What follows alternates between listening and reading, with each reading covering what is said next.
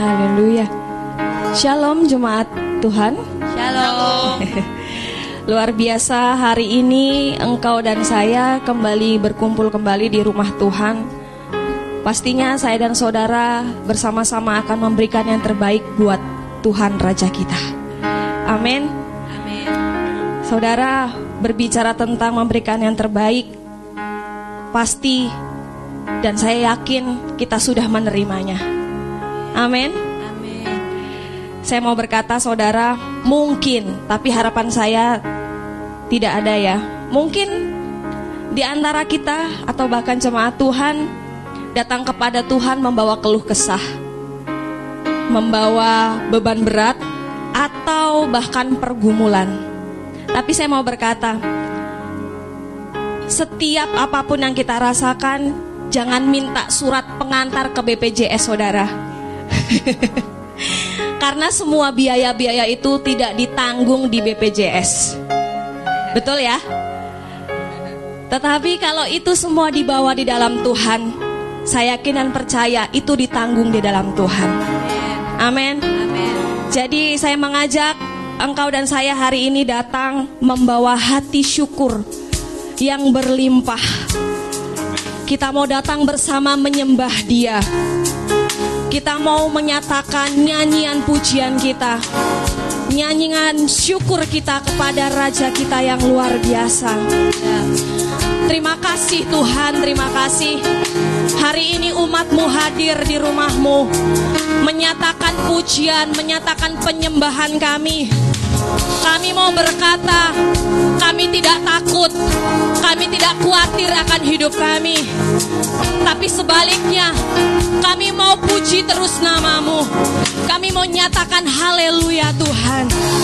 Terima kasih Yesus.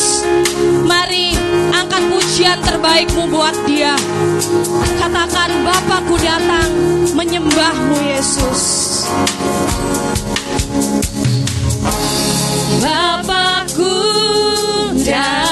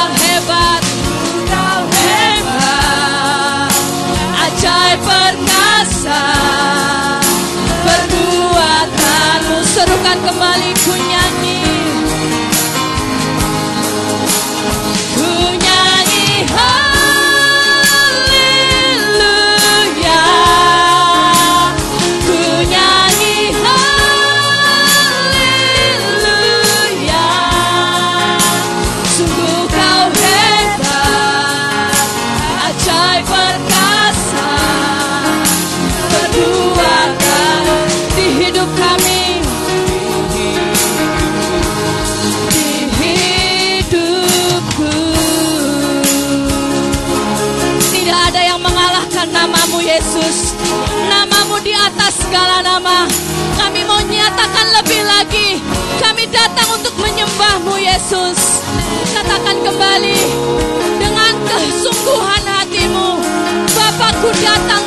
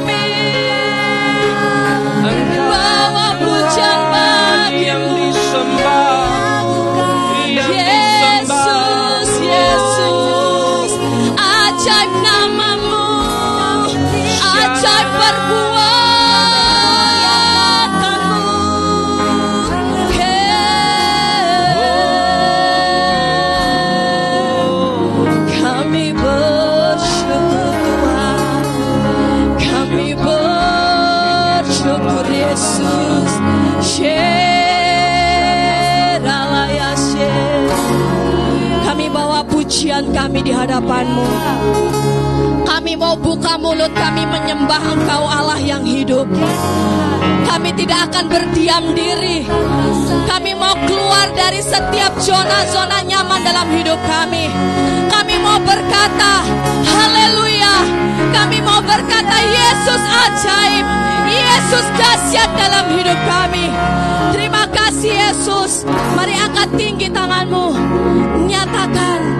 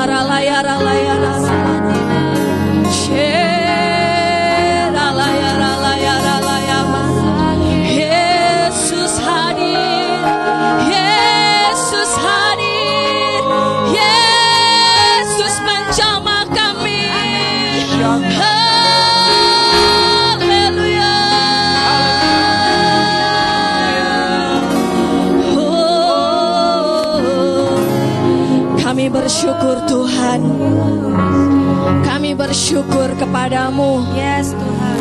Tak pernah habis kasih setiamu bagi hidup kami. Selalu baru setiap hari Tuhan. Kami mau menyatakan dalam hati kami. Sungguh hanya Yesus yang terhebat dalam hidup kami. Kami tidak akan takut, kami tidak akan bimbang, sebab masa depan kami sungguh ada di dalammu Tuhan. Terima kasih Yesus, terima kasih. Hari ini Tuhan, Engkau bekerja luar biasa di tempat ini. Hari ini Engkau melawat setiap umatmu. Hari ini Engkau membebaskan setiap hati yang terbelenggu. Memberi penghiburan bagi setiap hati yang bersedih Tuhan.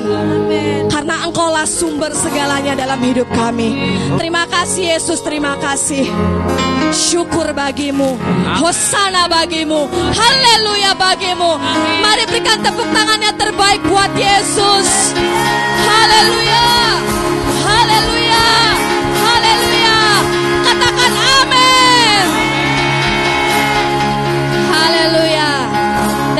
Tuhan jemaat Tuhan boleh duduk kembali. Kita bersyukur saya dan saudara siap menerima janji yang daripada Tuhan. Mari kita mau sama-sama nyatakan pujian kita. Kami terima janji Allah.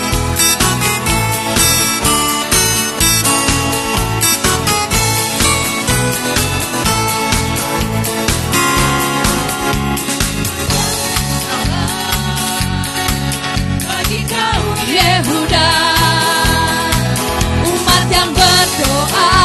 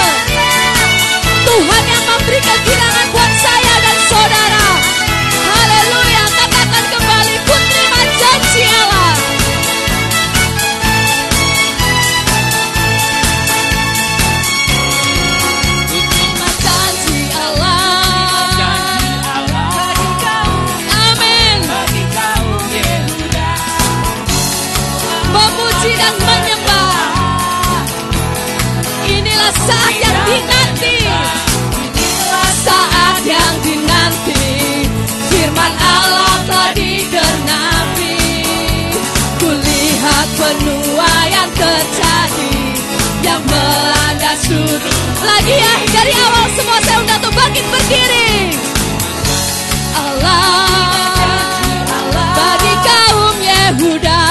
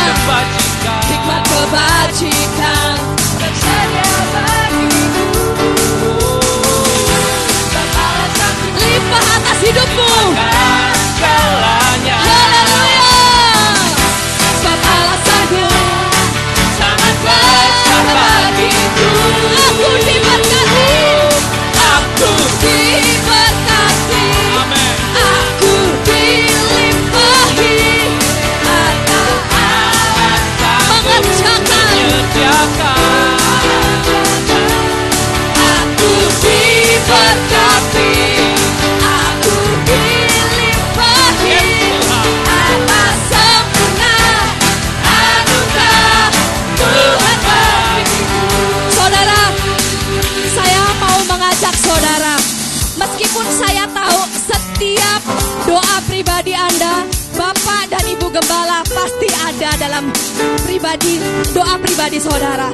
Tapi saya mau mengajak hari ini kita mau memberkati, melepaskan berkat buat Bapak Ibu Gembala. Jadi saat pujian ini berkata aku diberkati diganti, abang diberkati, baru kakak diberkati. Siap ya? Abang dulu ya. Ya, Bapaklah sanggup. Lemparkan berkat yang terbaik. Yes. Limpahkan segalanya dan anugerahnya sangat besar lagi sebab Allah sanggup.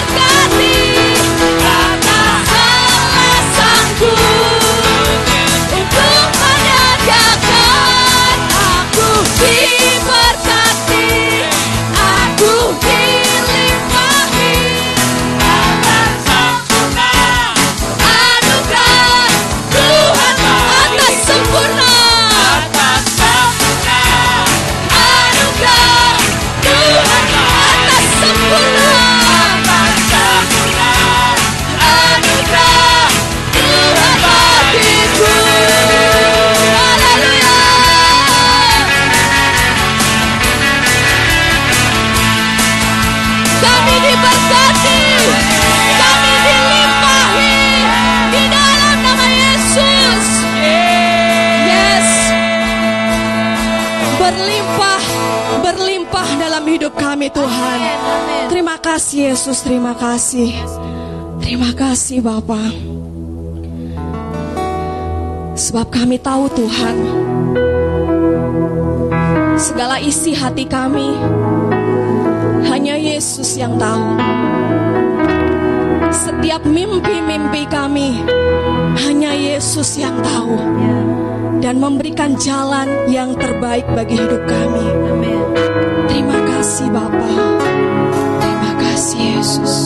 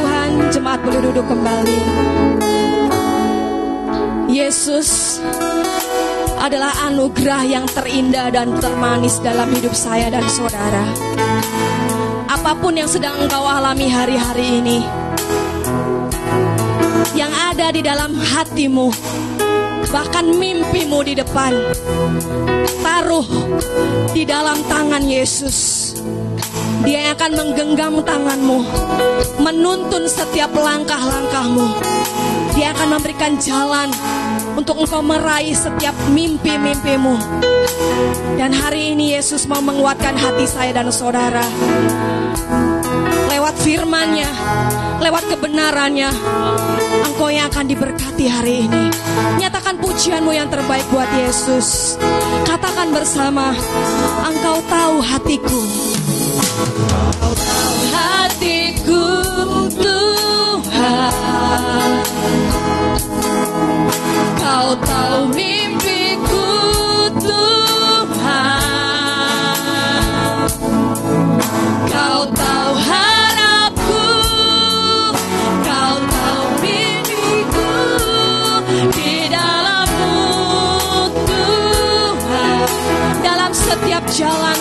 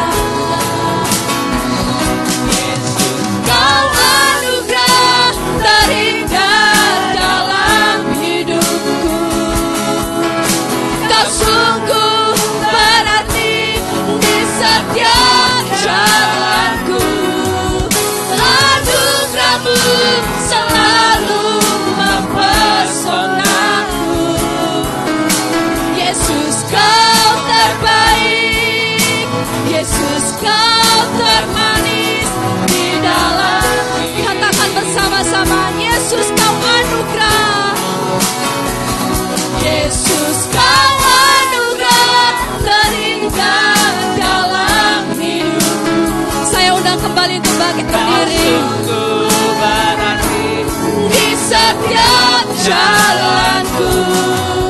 Aduh kamu selalu mempesonaku Yesus kau terbaik. Yesus kau terbaik. Angkat tinggi tanganmu. Serukan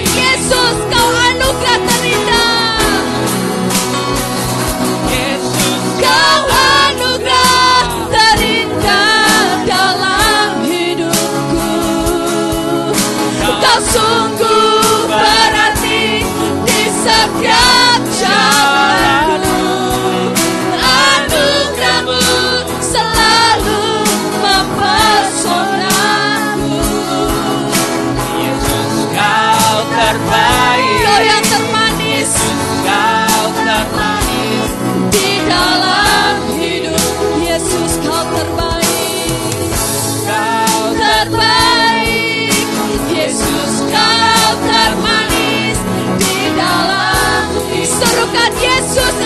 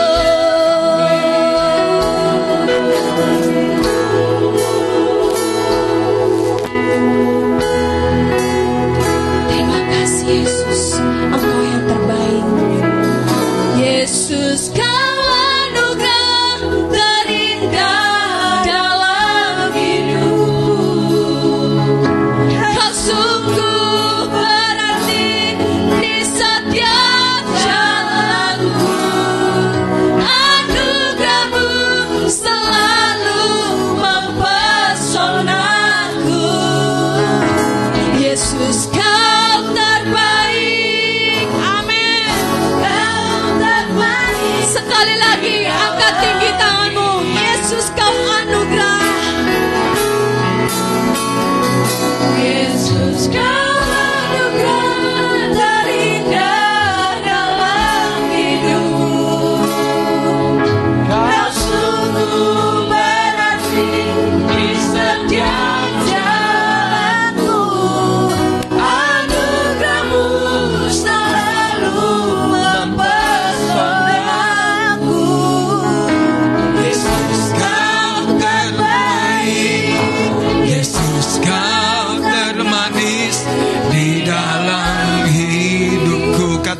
Yesus Yesus kau terbaik. Yesus kau termanis Di dalam hidupku.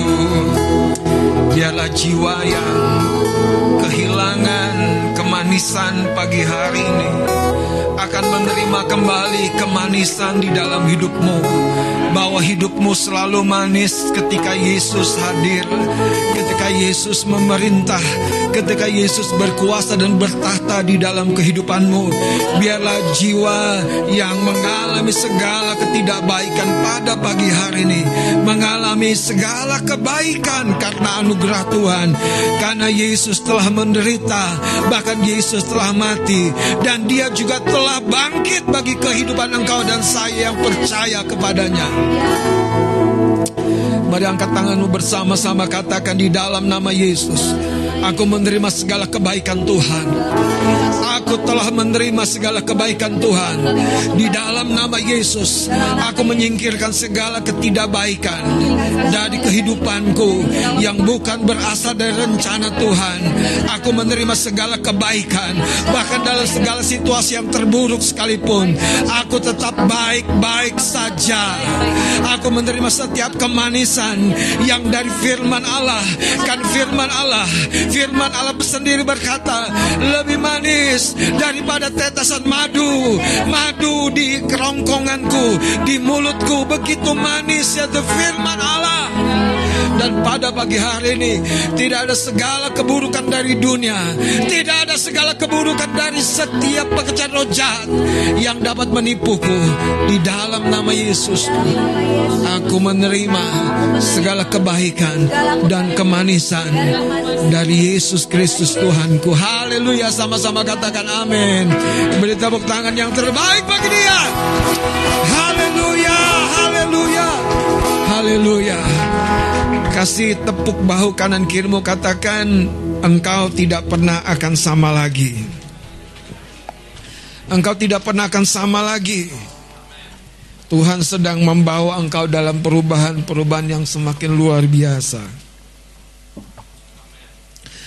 Saudara, dalam tiga minggu ini kita masih akan melanjutkan pelajaran kita betapa pentingnya kita memahami pekerjaan Tuhan di dalam kehidupan kita untuk membawa kemerdekaan, kelepasan. Karena itu yang saya mau tekankan, kita bukan sedang sebatas belajar pekerjaan roh jahat yang dapat menipu kita, dapat menarik kita mundur dari rencana Tuhan bahkan keluar dari posisi kita, tapi justru sebaliknya kita perlu belajar mengenal musuh kita supaya kita tahu bagaimana to fight, bagaimana melawan balik, bagaimana menolak tipu dayanya. Nah, saudara, karena itu kita tidak boleh abaikan pelajaran ini. Mari kita akan lanjutkan tema pada hari ini, jangan menjadi lebih buruk, pertahankan kelepasanmu. Kita akan lihat dari Matius pasal yang ke-12.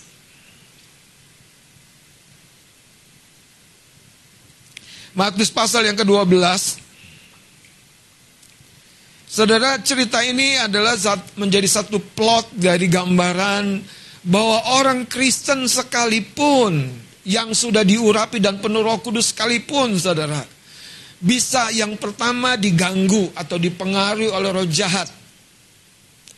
Tapi bahkan yang kedua, roh jahat bisa masuk ke dalam dirinya, dalam bagian-bagian kehidupannya. Tapi yang terakhir saudara kalau dia tidak bisa mempertahankan posisinya, roh bahkan bisa merasuk. Kita nanti lihat saja saudara firman Allah.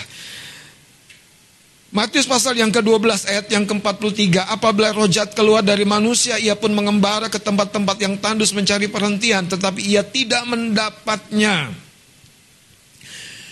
Jadi rojat punya aktivitas yang namanya Mengintai Melihat Bahkan setelah Yesus lepas dari pencobaan di gunung mencoban itu Setelah dia berpuasa 40 hari Alkitab berkata Iblis mundur dan menunggu waktu yang baik waktu yang baik. Ayat 44. Lalu ia berkata, aku akan kembali. Aku akan kembali ke rumah yang telah kutinggalkan itu. Maka pergilah ia dan mendapati rumah itu kosong. Kalau boleh kata kosongnya ini saya bold, saya garis bawahi, saudara saya perbesar. Karena di sini masalahnya kosong, kosong. Kemudian dicatat bersih, tersapu dan rapi teratur. Rapi teratur. Rapi teratur. Nah rojat yang mengenali tempat dia tinggal dulu dicatat oleh perkataan Tuhan sendiri lalu ia keluar. Dan saudara rojat ini bisa berpikir bahwa kalau aku kembali ke zona yang pernah aku tinggal di sini dan ternyata sudah terjadi perubahan, aku bisa didepak lagi keluar. Itu prinsipnya. Makanya dia berkolaborasi. Berkolaborasi. Saudara hidup yang paling kuat adalah hidup yang berkolaborasi, bukan hidup yang mandiri. Makanya lima jari Anda tidak pernah diciptakan sama. Supaya dia berkolaborasi, saudara. Makanya kalau Anda suami istri tidak pernah sama, puji Tuhan justru itu kekuatan. Anda punya sense yang berbeda. Saya dengan istri punya sense yang berbeda. Itu justru kekuatan. Saya suka dorong kalau teman-teman dimuridkan datang bukan hanya kepada saya. Datang kepada ibu gembala karena dia punya sense yang berbeda, sudut pandang yang berbeda, nilai rasa yang berbeda. Saudara, Rojak uniknya dia tahu prinsip ini. Ayat ini mencatat begini. Lalu ia keluar dan mengajak tujuh roh lain yang lebih jahat daripadanya. Jadi ada karakteristik yang khusus. Karakteristik yang begitu jelas dari roh jahat. Kalau dalam catatan lain, roh najis yang membawa kecemaran pada pikiran kita, pada perasaan kita, bahkan pada tubuh kita Bahkan bahkan saudara ketika kita masuk rumah Tuhan kita bisa tetap membawa roh najis itu jangan lupa nanti kita baca cerita Ananias dan Safira dan Alkitab mencatat mencatat kenapa kamu begitu dikuasai? Siapa Ananias Safira? Jemaatnya Rasul Petrus Rasul yang penuh kuasa penuh karunia. Tapi dicatat dia dikuasai oleh rojat. Justru waktu apa Ketika kegerakan terjadi yaitu membawa persembahan, membawa korban, hati kita yang tidak kita izinkan diterangi kebenaran akan mengalami godaan pada titik kritis, titik kritis yang memang ada di situ. Pak Pendeta, ada nggak manusia yang tidak ada titik kritis? Selama dia masih tinggal dalam tubuh daging pasti ada. Kalau sudah dia lepaskan tubuh dagingnya, nggak ada titik kritisnya, saudara. Dia udah berdamai dengan tubuhnya. Kenapa kita punya titik kritis? Karena kita masih eh, bergulat dengan tubuh kita. Tuhan Yesus bilang begini, roh penurut tapi iya. Dan murid-murid nggak nggak nggak nangkep. Artinya apa? Berjaga-jaga. Hati kamu mau mencintai Tuhan, lainnya Tuhan. Tapi tubuh kamu ini punya keinginannya sendiri. Dia suka belok kanan sendirian. Hatimu ngasisan ke kiri, dia belok kanan, saudara. Makanya hati-hati. Ada orang kalau ngelihat dolar itu mulai berbinar-binar dan terlalu berbinar-binar. Sampai lupa mengucap syukur maksudnya, saudara. Tapi ada orang kalau susah udah saudara, aduh pilu sekali hatinya sampai lupa bersuka cita dalam segala perkara. Jadi setiap orang yang dapat menguasai dirinya, mengendalikan dirinya, dia selalu dalam posisi stabil. Yang seperti ini saudara setan, setan susah menggoyahnya. Karena dia stabil. Mari kita lihat lagi ayat ini berkata begini. Dia mengajak tujuh roh lain yang lebih jahat daripadanya. Dan apa? Mereka masuk. Jadi ada berapa roh jahat? Oh, lihat baik-baik. ada delapan roh jahat. Terus mereka diam di situ artinya bukan bukan sekelewatan. Aku nggak sengaja bohong. Nah, tenang, tenang, tenang. Anda bukan pembohong. Tapi kalau sudah dia berdiam di situ, dia jadi seorang yang lihai dalam berbohong. Lihai dalam berbuat salah. Lihai dalam lupa. Lupa, tapi kok terus-terusan? Pi, kok nggak jemput? Lupa. Besok lagi, Pi, di mana kok nggak jemput? Lupa. Kok kamu lupa terus sih, Pi?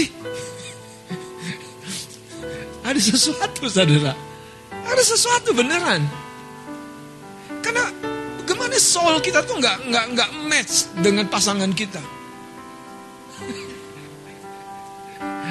Saya ada sesuatu. Karena memang itu itu baru tanda-tanda. Lanjut ayat ini berkata begini. Dia mereka mereka masuk dan bangun kafling. Bangun kafling.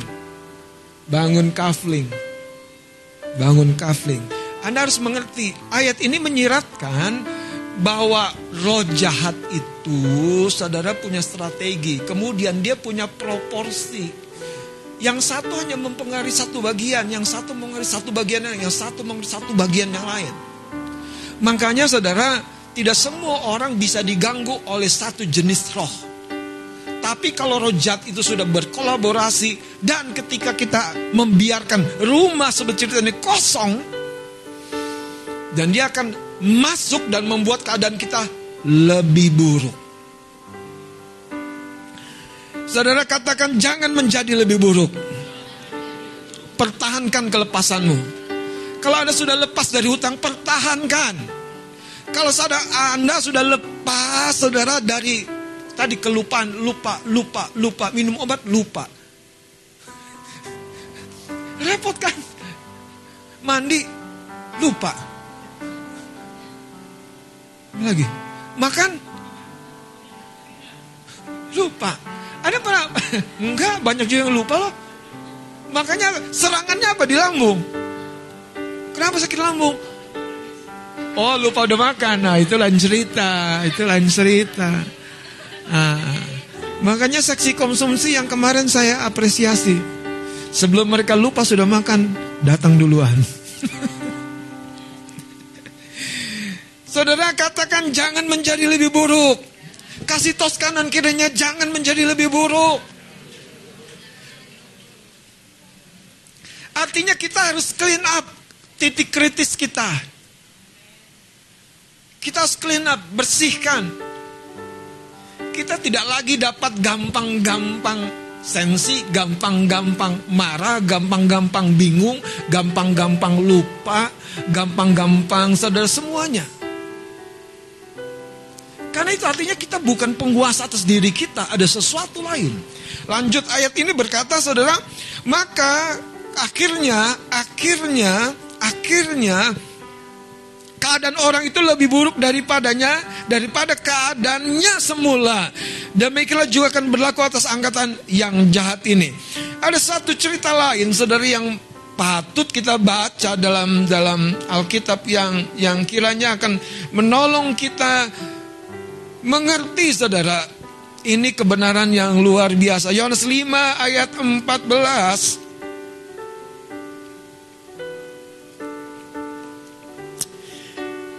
Oh. Ada seorang yang disembuhkan. Dan ayat ini kita tahu ada seorang yang sudah berapa lama? Ya.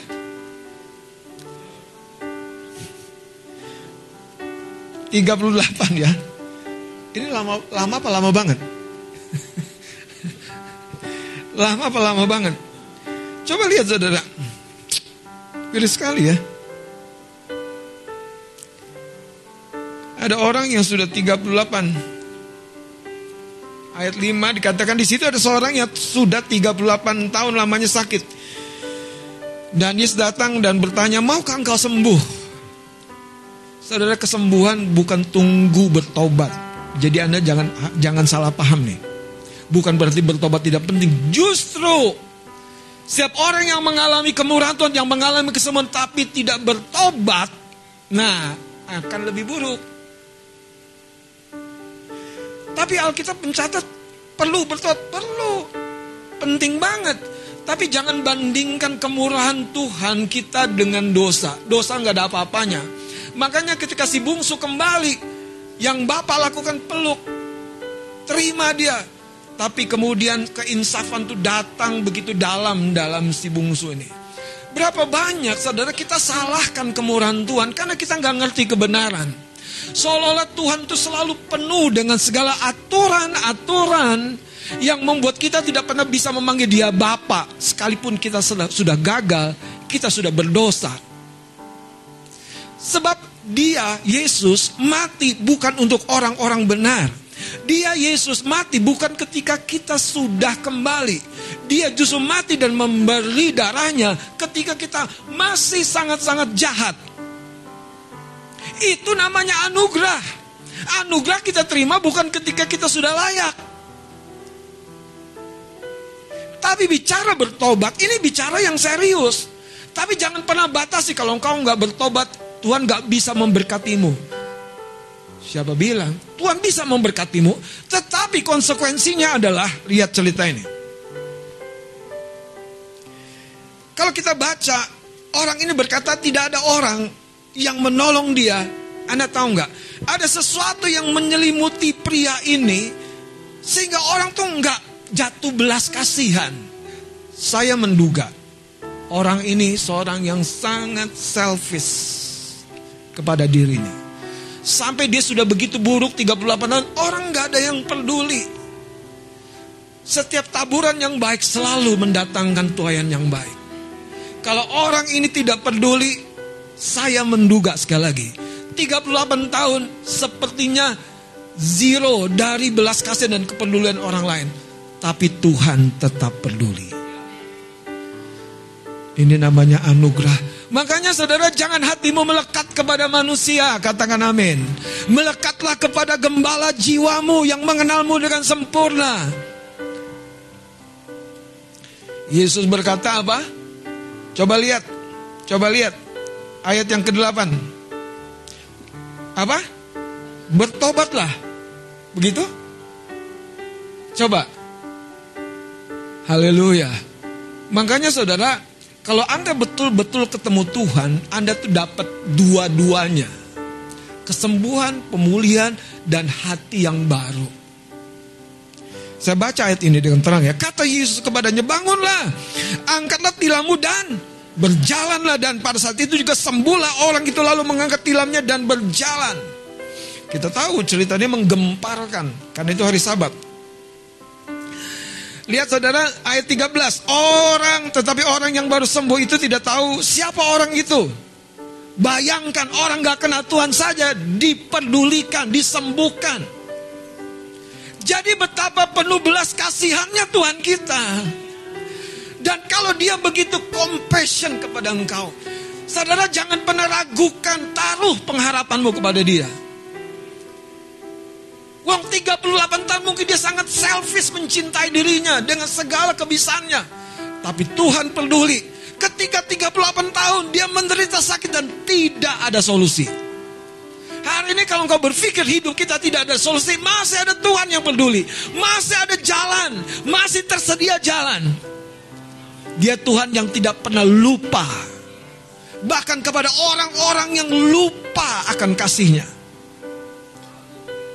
Betul saudara, coba lihat ayat ini. Ayat 14, tolong seorang baca.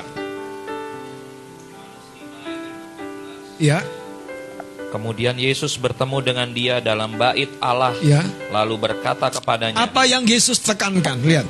"Engkau telah sembuh, Engkau telah diberkati, jangan engkau berbuat telah menerima pertolongan, Engkau telah menerima jalan keluar, tapi statement yang berikutnya tidak pernah Tuhan abaikan. Apa Tuhan katakan? Jangan berbuat dosa lagi. Jangan berbuat dosa. Ternyata kepedulian Yesus kepada dosa yang mungkin tidak dilihat orang-orang, tapi Tuhan tahu yang menjadi salah satu faktor si pria ini begitu menderita. Lanjutkan dikatakan begini. Ya, engkau Sup- jangan berbuat dosa lagi supaya padamu jangan terjadi yang lebih buruk. Tuhan kita maha baik. Tuhan kita maha setia. Saudara, kalau ada ayat berkata begini, yang menghalangi aku dengan engkau adalah segala dosamu, Anda harus tahu konteksnya ayat itu. Tapi bicara kemurahan dan anugerah Tuhan, Dia Allah. Makanya masalah yang terbesar itu sebetulnya saudara bukan dosa, tapi free will kita, kehendak bebas kita. Kita mau berubah nggak? Kita mau berubah nggak? Kita mau ganti cara hidup nggak? Kita mau ganti cara berpikir nggak? Kita mau ganti nggak? Kalau tidak kita ganti, ya jelas. Roh jahat ketemu lagi jalannya. Dari kesembronoan masuklah kehilangan, kehilangan, kehilangan, kehilangan, kehilangan. Dari cara hidup yang tidak baik, tidak benar, datanglah sakit penyakit, sakit penyakit dan sakit penyakit. Katakan jangan menjadi lebih buruk. Pertahankan kelepasanmu. Saya mau bertanya, boleh nggak dijawab di hati masing-masing? Sudahkah Anda mempertahankannya? Atau Anda sekedar tahu, aku udah ditebus bang oleh dari, iya amin benar. Tapi hidupmu masih berjalan di dunia yang penuh pencobaan ini. Mari kita lihat saudara, kenapa orang Kristen yang sekalipun sudah penuh Roh Kudus, uh, bisa bisa diganggu begitu rupa, diganggu begitu rupa, diganggu begitu rupa, dan pekerjaan setan bahkan bisa melumpuhkan perasaan-perasaan kebenaran, nilai-nilai kebenaran di dalam orang tersebut. Kisah Rasul pasal yang kelima. Mari kita lihat ayat yang pertama. Tolong Mas Adis boleh baca kembali. Mulai. Dan Safira. Ya. Ada seorang lain yang bernama Ananias. Ia beserta istrinya Safira menjual sebidang tanah. Hmm. Dengan setahu istrinya, ia menahan sebagian dari hasil penjualan itu dan sebagian lain dibawa dan diletakkannya di depan kaki rasul-rasul. Ya. Tetapi Petrus berkata, Ananias, mengapa hatimu dikuasai iblis? Saudara lihat. Kenapa hatimu dikuasai iblis terus? Sehingga engkau mendustai roh kudus dan menahan sebagian dari hasil penjualan tanah itu. Kenapa saudara? Ini ceritanya sepertinya tidak kronologis karena penjelasannya di belakang. Lanjut ayat 4-nya. Selama tanah ini itu selama tanah itu tidak dijual, bukankah itu tetap kepunyaanmu? Terus? Dan setelah dijual, bukankah hasilnya itu tetap dalam kuasamu? Iya. Mengapa engkau merencanakan perbuatan itu dalam hatimu? Ya. Engkau bukan mendustai manusia, tetapi mendustai Allah. Petrus dengan lurusnya berkata, Ananias, mengapa hatimu dikuasai iblis? Jadi saudara, bayangkan mereka yang membawa persembahan ke rumah Allah, tetapi ada satu motif yang lain di hatinya. Dan betul-betul bukan lahir dari ketulusan. Karena dia jual sebidang tanah, hasilnya sebagian ditahan, sebagian diserahkan. Mungkin yang kita belum baca, dia bilang kepada Petrus, Petrus inilah hasil penjualan tanahku seluruhnya. Dan sepertinya dengan itu dia berharap Petrus, wah terima kasih om tante, om murah hati sekali. Tapi ketika Ananias berkata seperti itu, mengapa hatimu dikuasai? Anda pernah baca cerita versi-versi yang lain bahwa kejahatan-kejahatan itu tidak terjadi tiba-tiba. Ada rencana muncul, ada rencana muncul, ada rencana muncul, ada rencana datang. Uh, aku besok hari Minggu nggak mau datang gereja ah. baru kepikiran, baru rencana. Nah, di sinilah kalau Anda tidak aware, tidak nge, rencana itu benih. Benih. Benih. Uh, pulang dari pelayanan, aku mau tidurlah sepuas-puas. Ah, ngeri kali saudara.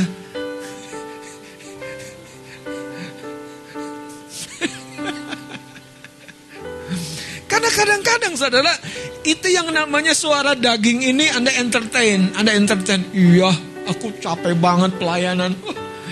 aduh, apalagi aku seksi sibuk. Dekorasi aku datang, acara aku ketuanya. Aduh. Oh, penyalaan lilin aku tampil.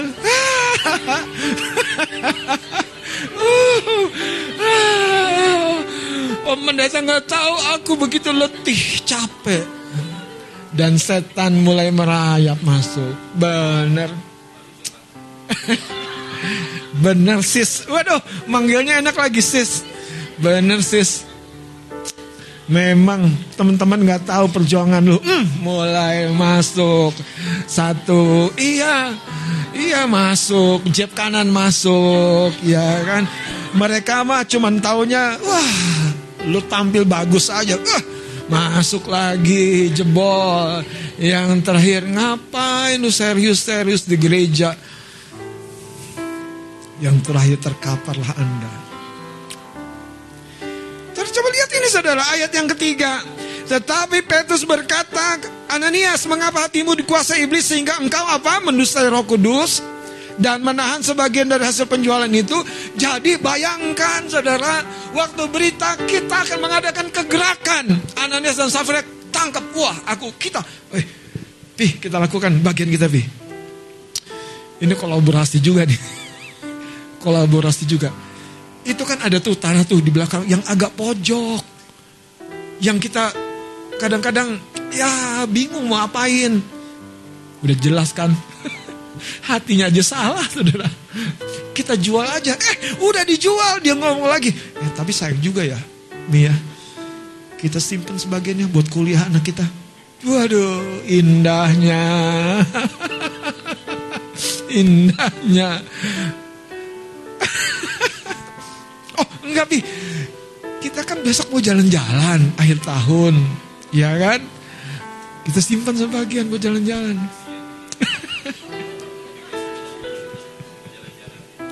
Dan Ananias dengan PD-nya membawa saudara hasil penjualan tanah itu dan kepada Rasul Petrus yang betul-betul dengan, dengan penuh roh kudus berkata, Ananias, mengapa engkau merencanakan anda tahu sih kalau kata merencanakan itu artinya dia sudah tumbuh berkembang di pikiran kita. Betapa seringnya anak-anak Tuhan tidak sense pikiran yang salah uh, mulai berkembang, mulai, mulai, mulai dan ujungnya Anda masuk dalam perangkap. Mari kita akan lihat saudara 1 Tesalonika 5 ayat yang ke-23. Silakan Mas Adit boleh baca lagi. Ya, ayat 23. 1 Tesalonika 5 ayat yang ke-23. Hmm.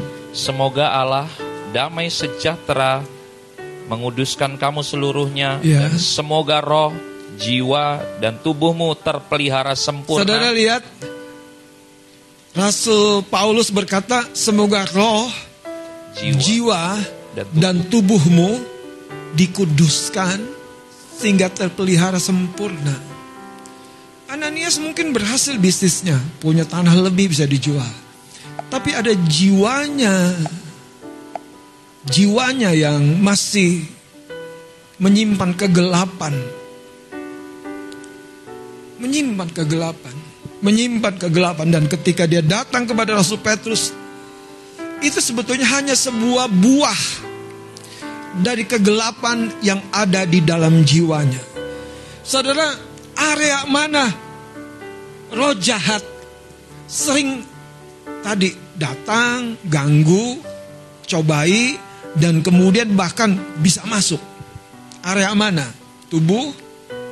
Aku sering sensi bang, di jiwamu aja. Kalau Anda sudah seperti orang gila di gerasa, itu batinnya sudah kacau. Karena ternyata bukan hanya satu dua, bukannya dua belas legion. Dan begitu luar biasanya ya, manusia, manusianya loh, ciptaan Allah itu luar biasa. Kalau dia dikendalikan roh, tubuh yang terbatas ini tiba-tiba jadi berubah, tidak terbatas. Makanya kalau Anda nanti mengerti, ada dua hal singkat saya akan sampaikan. Bagaimana mempertahankan kelepasan yang sudah Anda terima. Yang pertama, Anda harus mengalami sebuah terang firman. Bukan hanya baca Alkitab, tapi Alkitab yang Anda baca itu memberi sebuah terang. Membuka mata pengertian Anda. Memberikan sebuah kesadaran batiniah. Sehingga Anda dapat melihat situasi Anda yang sedang terjadi ini kenapa? Nah kalau firman yang Anda terima seperti ini membuka seperti dua orang murid yang meninggalkan Yerusalem menuju Emmaus. Waktu Pet Yesus bicara hatinya berkobar-kobar dan lihat klik lantas berbalik lagi ke Yerusalem. Ini firman yang membawa kelepasan. Kenapa? Karena firman itu masuk di relung hati dua orang muridnya ini yang lagi galau. Saudara saya berdoa lebih banyak lagi kita concern. Peduli. Apakah kita dipenuhi oleh firman pada hari-hari kita yang 24 jam itu? Dan dipenuhi firman seperti apa? Apa firman seperti yang dilakukan oleh orang Farisi? Bahkan setan aja mencoba Yesus dengan firman. Saudara setiap firman yang rema selalu dapat mudah tersimpan di hati. Makanya waktu dicoba Yesus berkata, manusia bukan hidup dari roti saja. Tapi juga apa? Steak dan teman-temannya. kalau saya tambahin udang jahe sama kopi kalau pagi, enak. Tapi Anda tahu, itu spontan. Dan itu dicoba di area apa? Tubuh. Terus waktu dibawa ke bait Allah, jatuhkan di area mana? Makanya saudara kalau Yesus saja dicobai setan, Anda berpikir yang udah penuh urapan, penuh roh kudus ini sudah dicobai. Hei, hati-hati. Bahasa rohmu boleh kencang. Bahasa rohmu boleh lama. Tapi bukan itu ukurannya. Ukuran yang pertama firman yang rema itu menguasaimu lebih daripada perasaan-perasaanmu sendiri, lebih dari pikiran-pikiranmu sendiri. Firman yang rema itu yang Daud katakan dia men mencegah dia berdosa. Firman yang rema itu yang menghalangi Daud sebagai orang muda berdosa. Bahkan mau marah sama Saul yang mengejar-ngejar. Yang kalau kita bilang patut dong, marah dong dia udah keterlaluan nah makanya banyak kita bilang gitu dia udah keterlaluan om anda tahu kalau anda diberkati Tuhan keterlaluan belum tahu kan makanya Daud itu diberkati Tuhan keterlaluan sampai dibilang sungguh kebajikan dan kemurahanmu saja mengikuti aku seumur hidupku dia sudah lupain pahit-pahitnya tuh. Dia sudah lupain konflik-konflik. Dia sudah lupain semuanya. Now, I stay in your presence. Wow, saudara hidup yang begini betapa merdekanya. Mari kita lihat saudara Yohanes. Pasal yang ke-8. Ayat 32. Saya akan baca, mari kita baca bersama-sama. Yohanes pasal yang ke-8 ayat 32. Kita baca 2 3 dan kamu akan mengetahui kebenaran dan, dan kebenaran itu akan memerdekakan kamu. Saudara, kamu akan mengetahui kebenaran. Kebenaran yang dimaksud ini realita rohani. Siapa kita? Kita anak Allah. Makanya saudara yang dicobai setan kepada Yesus, jikalau kamu anak Allah Jikalau kamu anak Allah, tapi Yesus tahu anak Allah yang seperti apa yang Bapa maksudkan buat dirinya. Makanya pencobaan-pencobaan yang datang kepada dirimu itu tentang dirimu. Kalau engkau dicobai, saudara, tentang dirimu, itulah engkau. Hari ini, saudara, mana mungkin orang yang tidak atau belum bekerja dicobai dengan pekerjaan. Di pekerjaan dia yang belum kerja mau dicobai.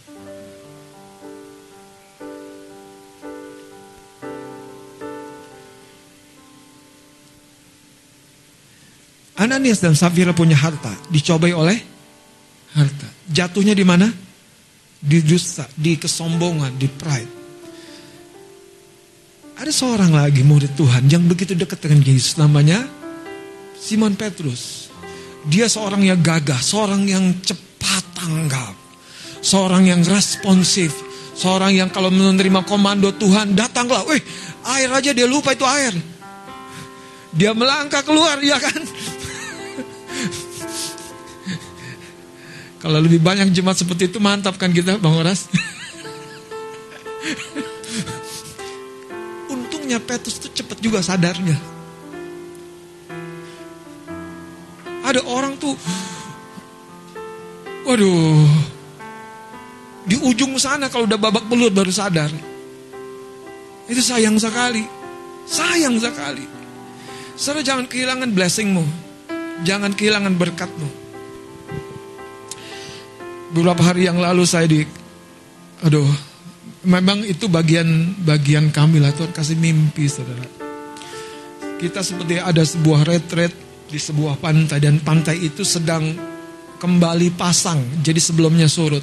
Dan pantai yang pasang itu jadi pantai yang indah yang enak. Dan di situ saya melihat ada dua orang pria datang sama saya. Dan dalam uh, perasaan saya, saya tahu orang ini seperti nelayan. Orang yang tidak asing dengan tempat itu. Dan yang satu lompat saudara ke pantai yang sudah pasang itu. Lompatnya saudara sampai di batin satu rasa, wah ini orang jago banget gitu. Cup, Kayak atlet renang betul-betul. Cup lompat, wah langsung bermain. Yang satu baru saudara muncul dan dia juga lompat dengan aksinya luar biasa. Tapi saudara di di mimpi itu nggak berapa lama. Uh, sepertinya kita mau pulang dari retreat itu. Dan kemudian ketika kami saya seperti ada di parkiran hendak berangkat, eh ada sebuah seperti tempat tidur, seperti keranda tapi isinya dua dua dua uh, bungkusan karena bukan peti, dua bungkusan dari dari pribadi yang sudah meninggal. Saudara, ketika saya alami mimpi itu, waduh, siapa ini? Dua ini. tenang, tenang, yang wanita tenang.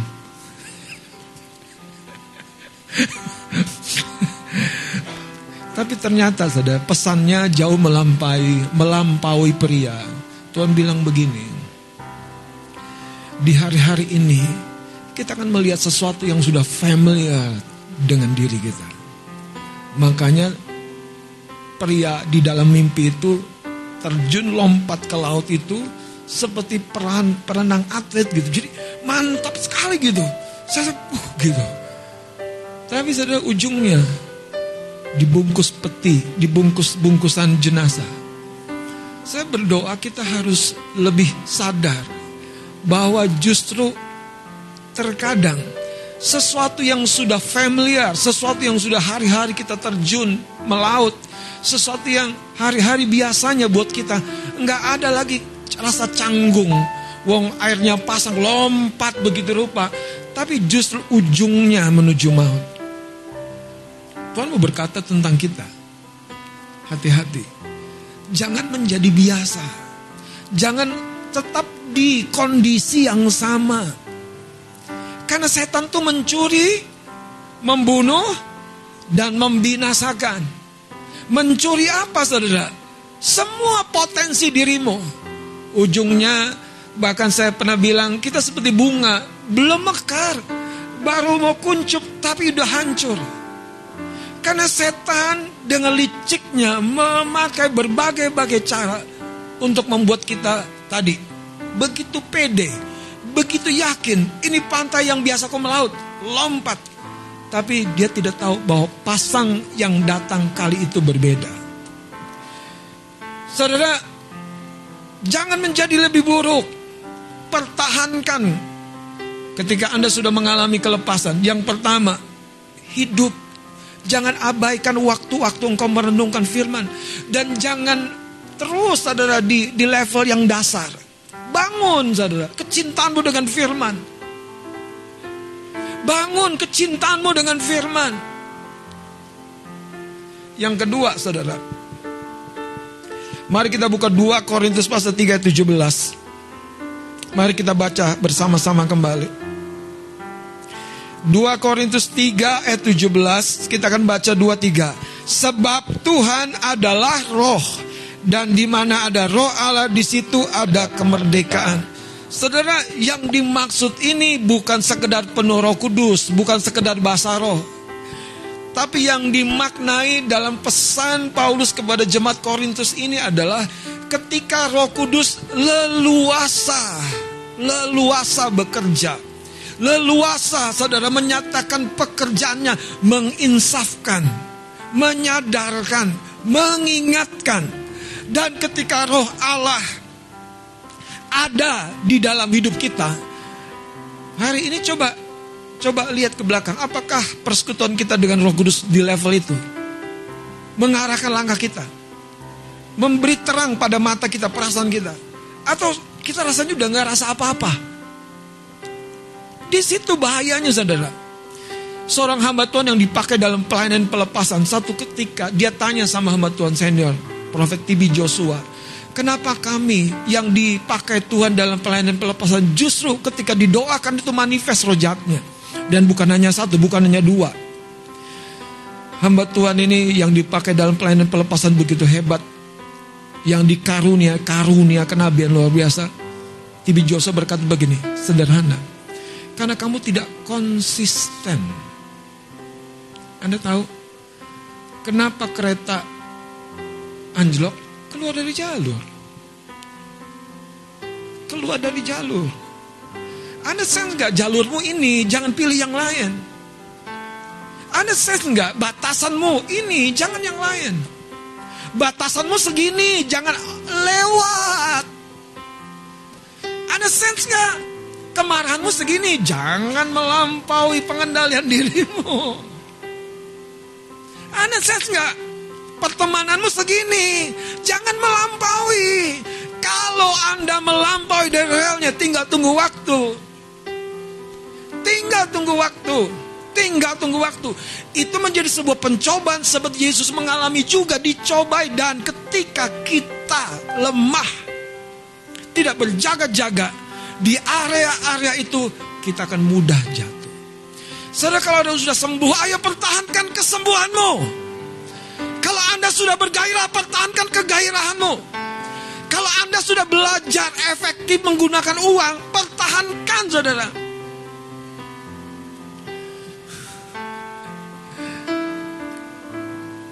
Saya dengan istri tadi pagi aja di cerita yang kecil. Istri saya bilang, Pak di mana sih beli makanan cocok itu. Kalau anda ngikutin cerita saya, anda tahu. Kami kalau minggu kadang-kadang suka beli the besto. Itu punya hitung 23 ribuan. Tapi tadi istri saya ke, ke warteg. Yang kami beli itu cuma 10 ribu tok. Dan si cocok kita servis dengan baik. Orang benar peliharanya makan sehat, makan enak. Apalagi anak-anaknya, apalagi jemaatnya. Waduh, haleluya. Saudara, kalau Anda sudah menerima tadi terang, iya ya, ngapain aku hambur-hambur? Saya senang sama istri saya itu salah satunya adalah uh, istri itu saya itu gampang spontan gampang insaf, gampang sadar. Ya Pak, aku salah. Berapa banyak istri-istri yang suka berani duluan bilang sama suaminya, Pak, aku salah Pak.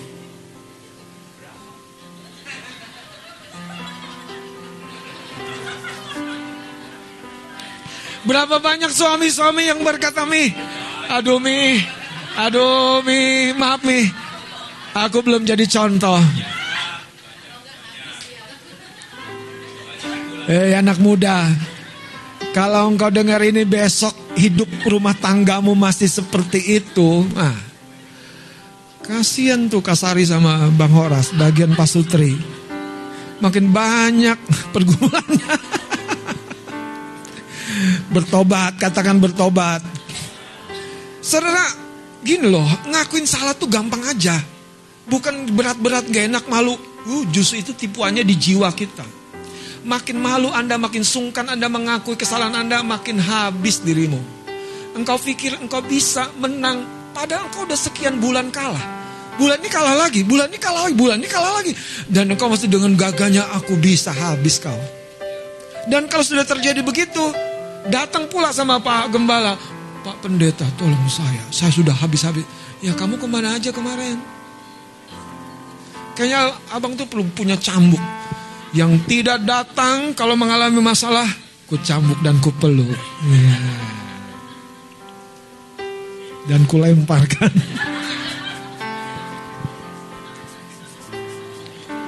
Kirain baik-baik saja. Enggak lah, dilemparkan ke ibu gembala. Supaya dapat pelukan kedua, gitu kan. Haleluya. Iya. Tapi yang pertama harus dicambuk dong. Karena begini loh, dengerin. Bapak Ibu dengerin. Setan aja berkolaborasi. Setan aja tuh nggak eksklusif. Setan aja tuh mau, eh gue nggak bisa nih menang nih yang ini nih. Bantu gue dong. Eh tujuh diajak. Ayat itu jelaskan. Kalau kita kayaknya the master.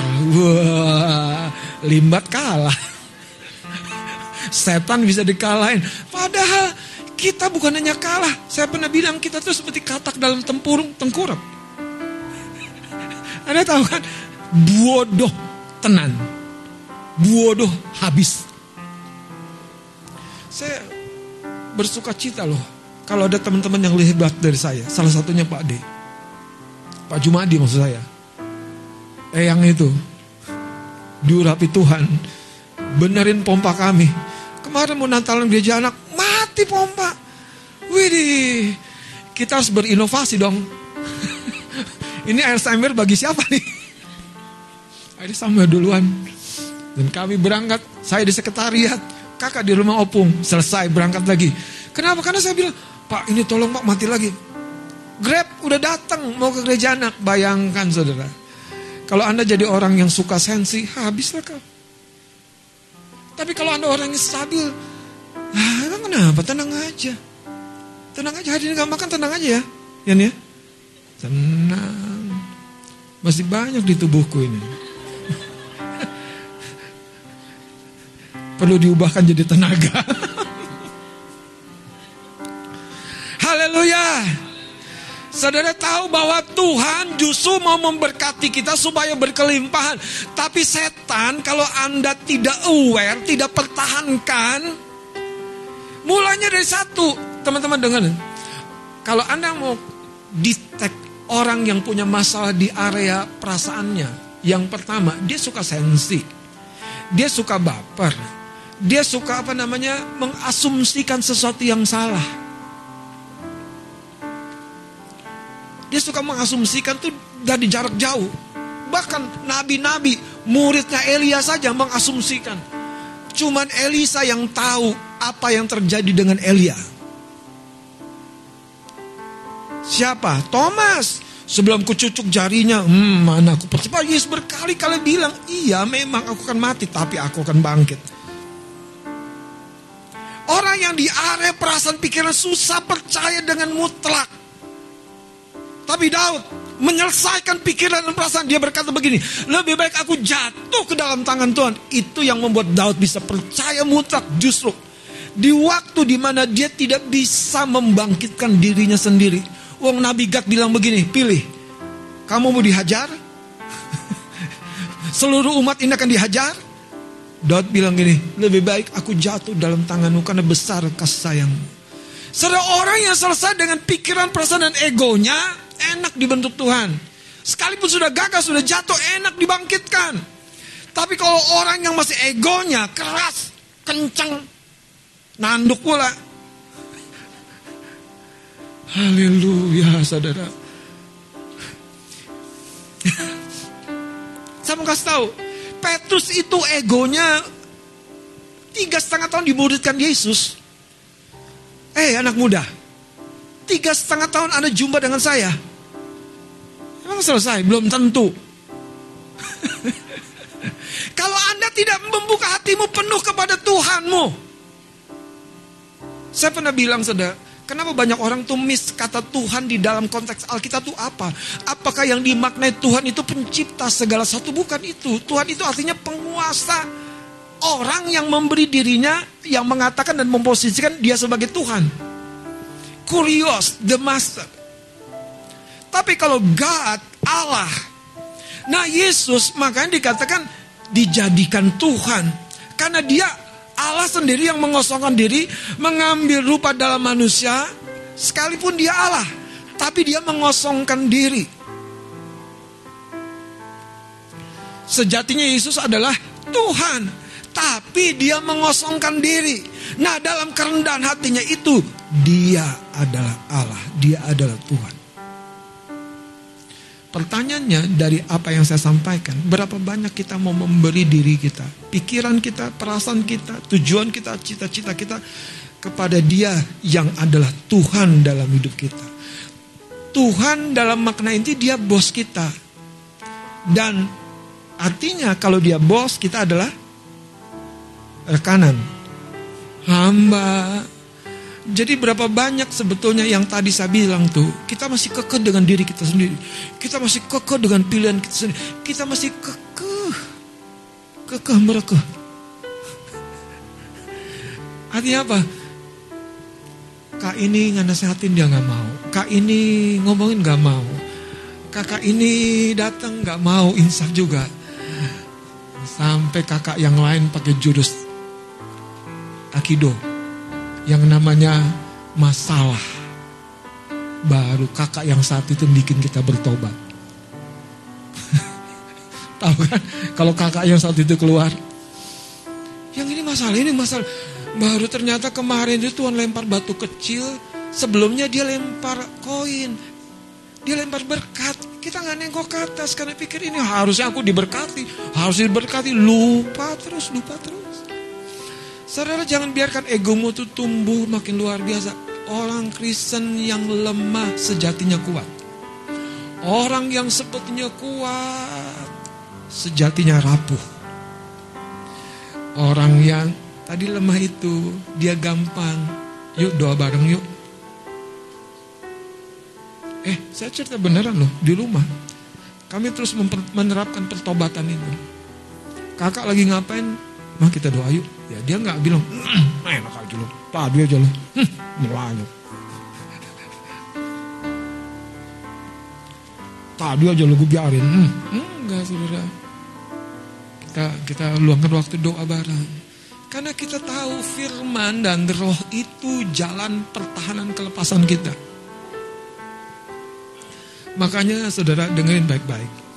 Kalau Anda tidak mengerti firman lagi bicara tentang hidup kita hari ini, itu andanya, itu artinya Anda seperti pria yang 38 tahun tuh. Disembuhkan, ditolong, disembuhkan, ditolong, disembuhkan, ditolong, tapi nggak insaf. Sampai Tuhan mengatur sebuah skenario yang balik, baik. Ketemu dia di bait Allah, jangan berbuat dosa lagi. Itu yang membuat pesan ini benar-benar. Tuhan gak mau kita hancur. Tuhan gak mau, lebih buruk aja gak mau. Tuhan mau memberkati kita dari kemuliaan kepada kemuliaan. Amin. Mari kita bangkit berdiri.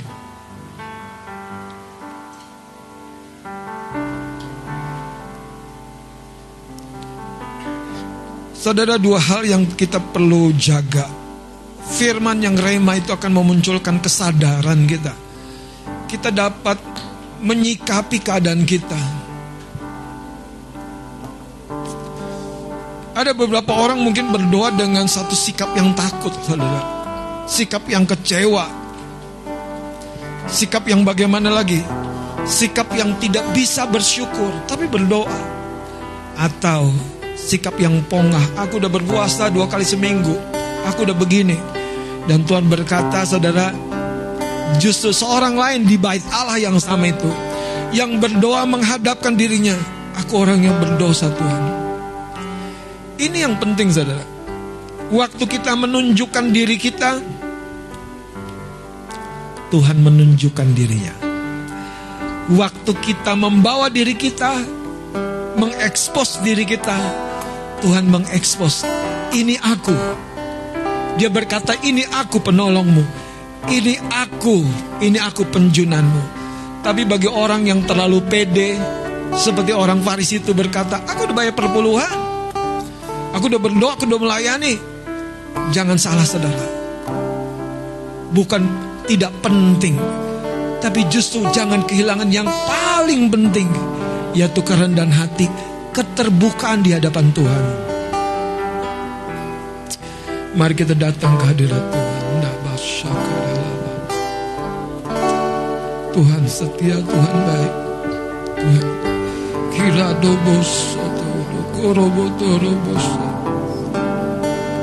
Kinamata kadaba. Hinamata korobosha daralaba. Shikaralabata kada. Kinamata karalabata karalaba.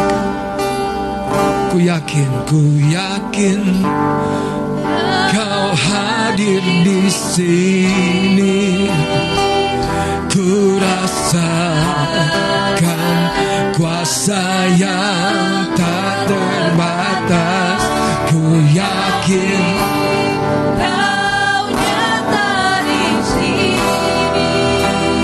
Kemenangan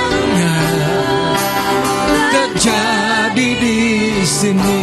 Lagi katakan ku yakin. Ku.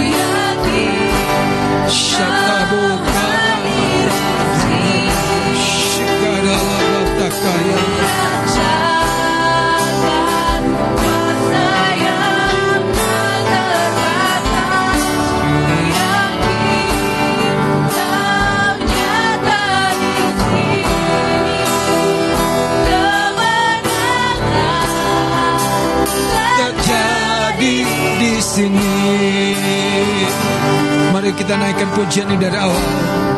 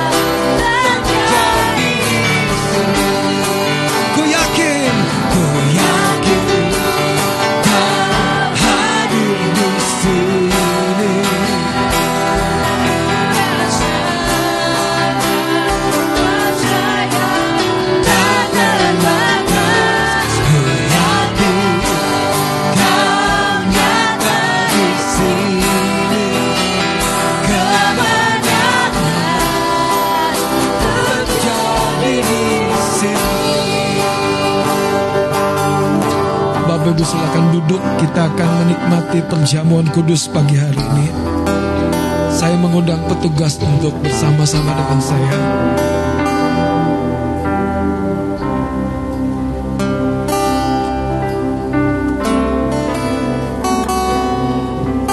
Kita akan menikmati kehadiran Tuhan melalui perjamuan kudus pada pagi hari ini. Mari kita berdoa. Tuhan yang maha setia, insafkan kami kalau kami terlalu asik dengan diri kami sendiri. Insafkan kami kalau kami dalam beberapa hal kami merasa kami begitu lebih benar. Insafkan kami kalau kami tidak aware dengan hadiratmu. Engkau yang selalu menyapa kami ketika pagi. Engkau yang selalu menyertai kami ketika malam. Insafkan kami kalau kami merasa terlalu yakin Bahkan di dalam pelayanan. Biar jiwa kami, pikiran dan perasaan kami Tidak dikendalikan oleh Apa yang berasal dari manusia daging kami Tapi oleh terang firmanmu. Dan pagi hari ini Tuhan Melampaui dan segala yang mampu kami kerjakan Biar oleh roh kudus Kami menerima kemerdekaan Kami menerima kelepasan Hambamu berdoa tubuh dan darah Yesus di atas nampan Menjadi media Menjadi alat Kuasamu dinyatakan Kami menerima kelepasan Kami menerima kemanisan di jiwa kami Kami tidak lagi mudah patah kami jadi seorang yang tidak eksklusif. Kami mudah terbuka, mudah berbaur. Kami terima blessing ini Tuhan. Engkau memberkati para pelayanmu yang melayani kami. Di dalam nama Yesus. Silakan kita akan terima tubuh dan darah Kristus. Katakan ku menyembah. Ku menyembah.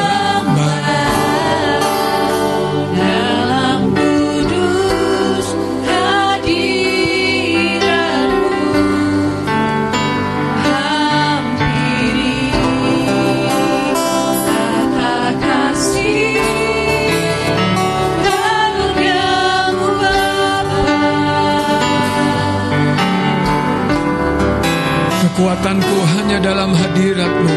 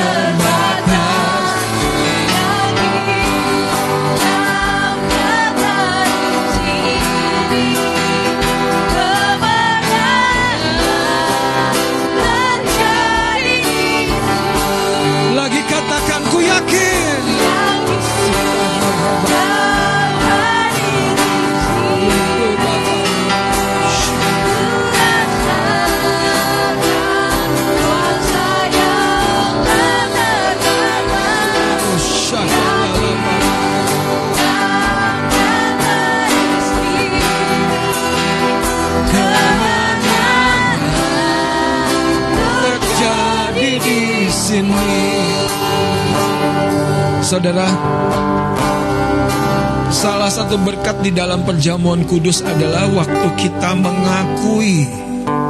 Mengakui itu bukan sekedar memperkatakan, tapi kita menerima di hati kita, dia Tuhan. Artinya dia bos, dia raja. Selaraskan hati, pikiran, perasaan kita dengan apa yang Tuhan mau. Dan kita akan mengalami apa yang memang Tuhan itu baik. Bahkan kepada orang-orang yang tidak baik, dia tetap baik. 38 tahun seorang pria mengabaikan kehidupan. Dan dia jadi seorang yang terabai. Namun Tuhan kita memakai dalam sebuah contoh Tuhan peduli. Mari kita angkat tubuh Kristus di tangan kanan kita. Kirata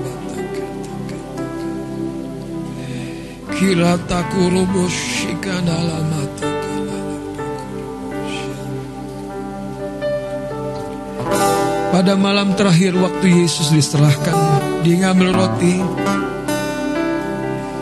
Roti di tangan, dia pecahkan dan berkata, "Inilah tubuhku yang diserahkan bagi kamu." Penyerahan yang sempurna dan utuh. Perbuatlah setiap kali kamu memakannya menjadi ingat-ingatan akan daku kata Tuhan. Mari kita berdoa Tuhan.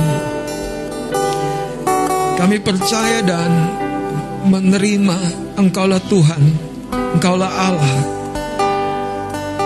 Engkaulah Tuhan Engkaulah Allah dalam hidupku.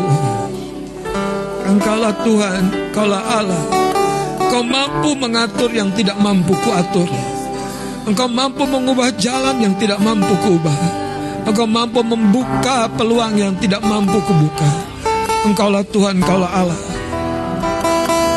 Aku terima semua blessing penebusanmu. Aku terima semua akibat daripada pengorbananmu di kayu salib.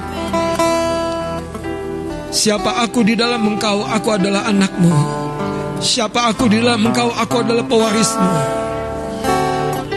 Terima kasih. Di dalam nama Yesus, Mari makan bersama-sama dengan percaya dalam nama Yesus.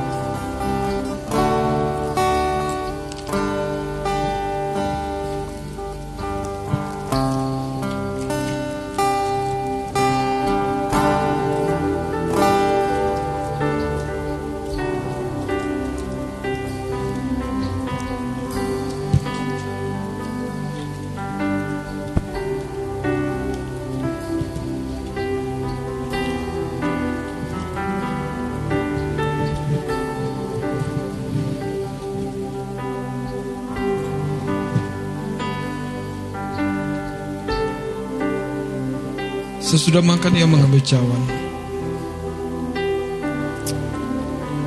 dan berkata, "Cawan ini adalah perjanjian. Tuhan punya janji yang termaterai, tersegel, sah untuk hidupmu. Janji yang bagaimana? Kehidupan yang dibawanya dari kemuliaan kepada kemuliaan. Engkau tidak akan sakit lagi. Engkau tidak akan menerima penderitaan-penderitaan yang tidak perlu lagi. Bahkan roh jahat tidak berkuasa atas hidupmu. Engkau milik Allah, engkau propertinya Tuhan. Tuhan memberikan malaikat penjaganya menyertaimu. Engkau propertinya Tuhan. Tuhan tidak lupa siapa engkau. Tuhan tidak abai dalam keadaanmu. Kalau 38 tahun seorang dilupakan oleh orang lain, tapi Yesus datang ke sana peduli. Ia mengambil cawan lalu berkata, inilah cawan perjanjian baru yang dimaterakan oleh darahku. Perbuatlah setiap kali kamu meminumnya menjadi peringatan akan aku. Niatkan sebuah perubahan dalam hidupmu. Niatkan sebuah pertobatan dalam hidup. Terjadi dalam nama Yesus. Sebagai manusia-manusia baru, Engkau bersama dengan saya menerima darah Yesus yang ajaib ini. Mari kita minum bersama dalam nama Yesus Kristus.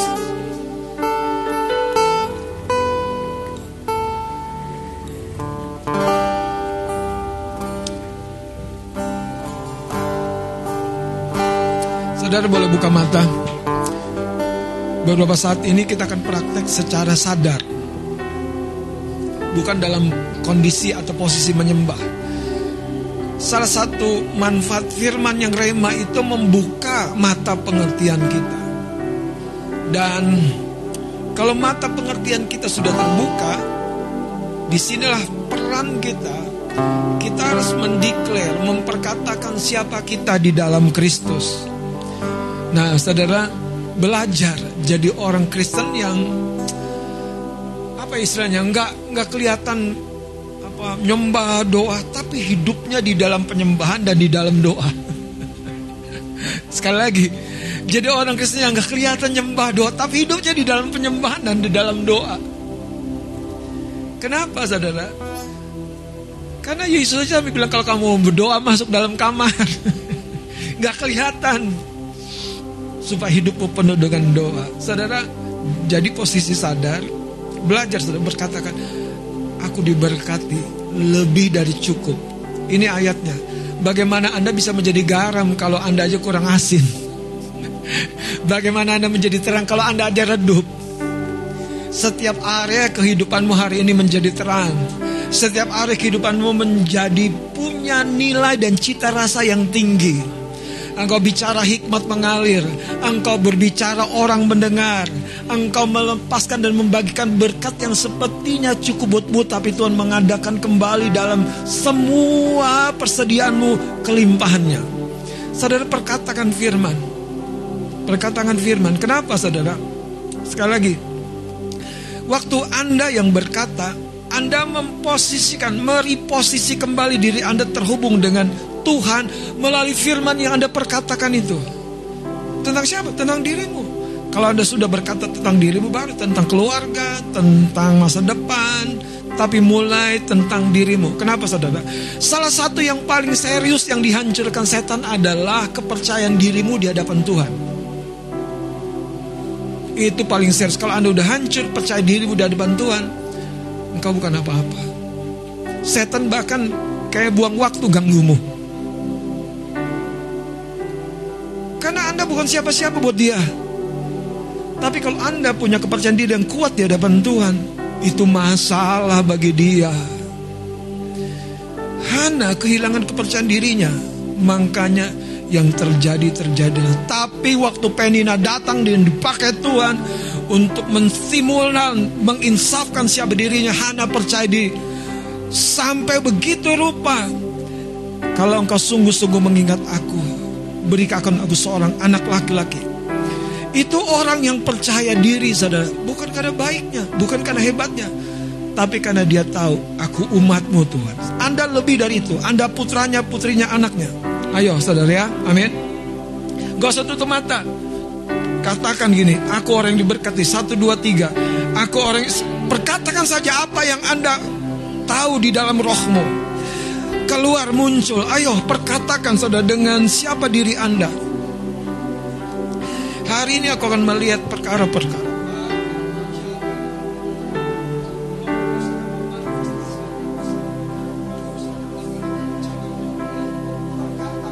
Percaya diri. Perkatakan dengan yakin. Aku akan melihat keuanganku mengalami sebuah progres dan peningkatan. Karena kasih dan kemurahan Tuhan Pintu-pintu yang tidak mampu aku bukakan terbuka. Mataku akan melihat jalan-jalan Tuhan. Aku akan tepat berjalan di dalam rencananya di akhir tahun ini dan sampai memulai tahun depan. Aku tahu balai tentara malaikat yang menyertaiku. Karena itu aku tidak takut dan tidak gentar. Bukan karena aku siapa-siapa. Karena aku putra dan anakmu. Aku kekasihmu Tuhan. Aku biji matamu ya Allah. Aku mengucap syukur ya Tuhanku ya Allah. Aku tahu engkau tidak pernah abai diri. Engkau tidak pernah melupakan diriku.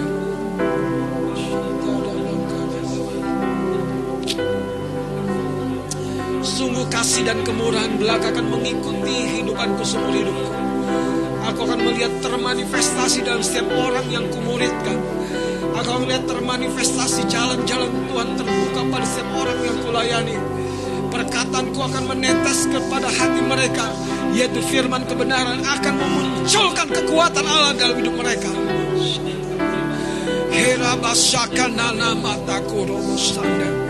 Hari ini tidak ada belenggu musuh yang berarti.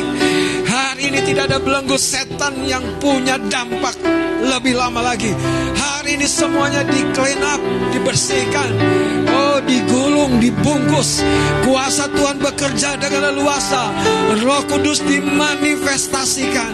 Apa yang kuperkatakan jadi setiap umat Tuhan, mereka yang terhubung dengan hambamu ini akan mengalami kemenangan, akan mengalami pencerahan, pewahyuan. Mereka akan melihat terang dalam hidup mereka. Mereka akan melihat jalan terbuka bagi hidup mereka. Roh Kudus akan bekerja dalam cara dan dinamika yang baru. Terjadi, terjadi, terjadi, terjadi, terjadi, terjadi. Hatiku lembut, hatiku rendah. Bukan karena aku bisa, bukan karena aku mampu. Karena aku milikmu Tuhan Yesus. Karena aku milikmu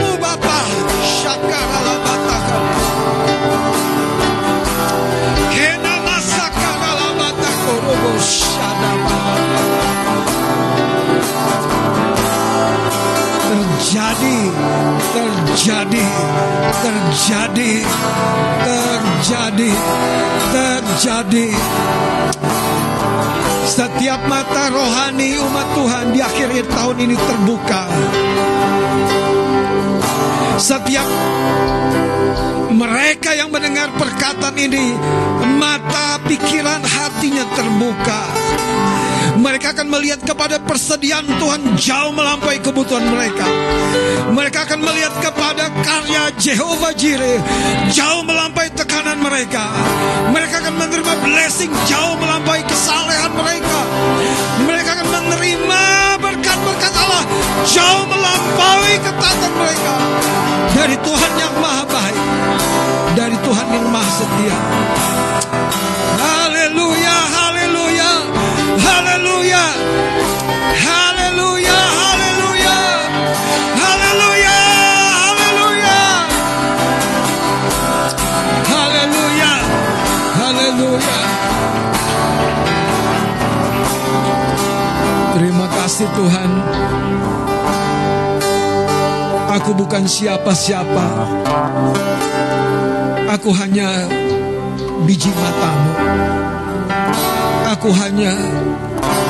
putra kesayanganmu. Aku bukan siapa-siapa. Aku hanya orang yang menerima kebaikan dan kemurahanmu. Lagi dan lagi, lagi dan lagi. Hidupku bukan penuh dengan keluh kesah. Oh, from joy to joy, from joy to joy, from joy to joy. Haleluya, hidupku bukan siapa-siapa, tetapi aku orang yang dilimpahi, diberkati. Cita rasa akan jadi sengatanku kepada dunia. Cita rasa kebenaran, kekudusan akan menjadi sengatan kepada dosa.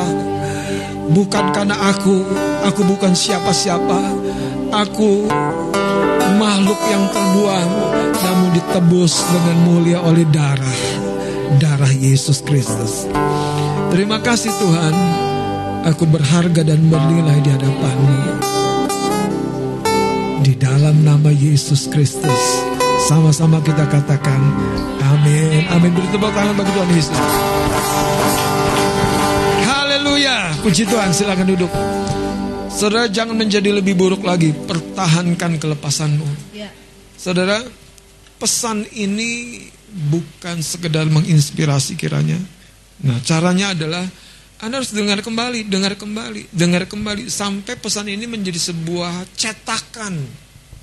Karena kalau belum jadi cetakan um, gampang sekali nanti Anda terlibas oleh apa rutinitas. Tapi kalau sudah menjadi cetakan, ya tadi perasaan A, B, C datang, Anda bawa ke rel Anda. Relku tetap sukacita dalam Tuhan. Aku tetap diberkati bukan karena kebaikan dan ketatanku. Melampaui itu. Bukan berarti Anda jadi tidak taat, bukan. Tapi melampaui itu. Melampaui itu. Amin. Saya berdoa saudara, hari ini kita akan mengalami dan terus mengalami apa yang memang sudah Tuhan sediakan. Saya sampaikan sebagai bagian penutup gini saudara. Saya berdoa Tuhan, kalau nunggu tahun depan, kami mengalami hal-hal yang membawa kami kepada sebuah tingkatan kepuasan di dalam Tuhan yang baru.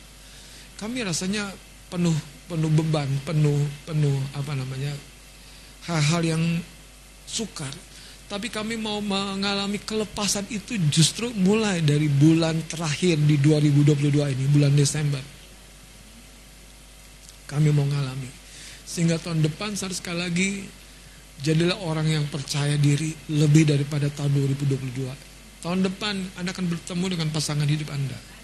Tahun depan Anda akan memasuki pelaminan. Tahun depan Anda akan melihat terang Tuhan menyertai. Tahun depan Anda akan berbuah dalam pekerjaan, dalam semua aktivitas. Tahun depan Anda akan jadi orang yang melayani Tuhan dari karunia yang makin matang, makin tumbuh. Tahun depan Anda akan melihat hidupmu bukan sama lagi, tidak sama lagi.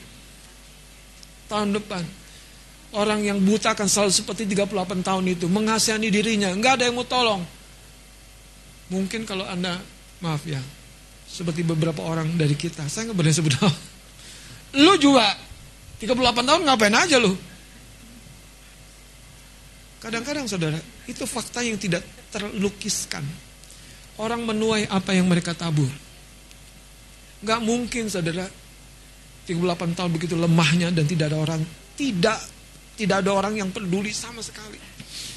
Dan hanya Tuhan. Hari ini biarlah teguh hatimu. Amin. Amin.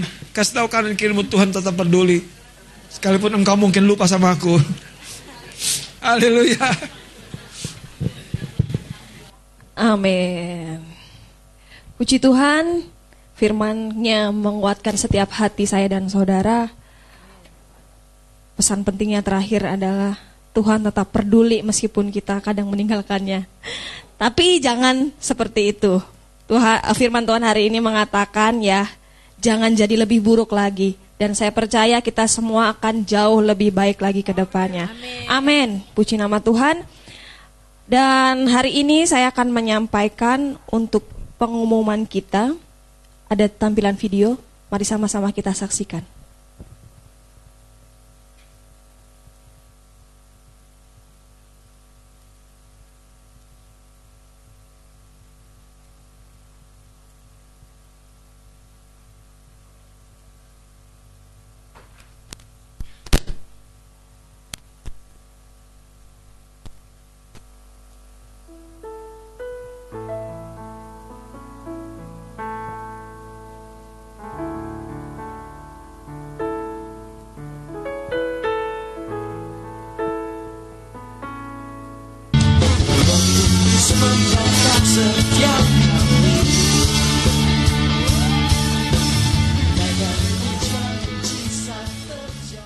Oke, puji nama Tuhan. Suaranya delay gak apa-apa ya.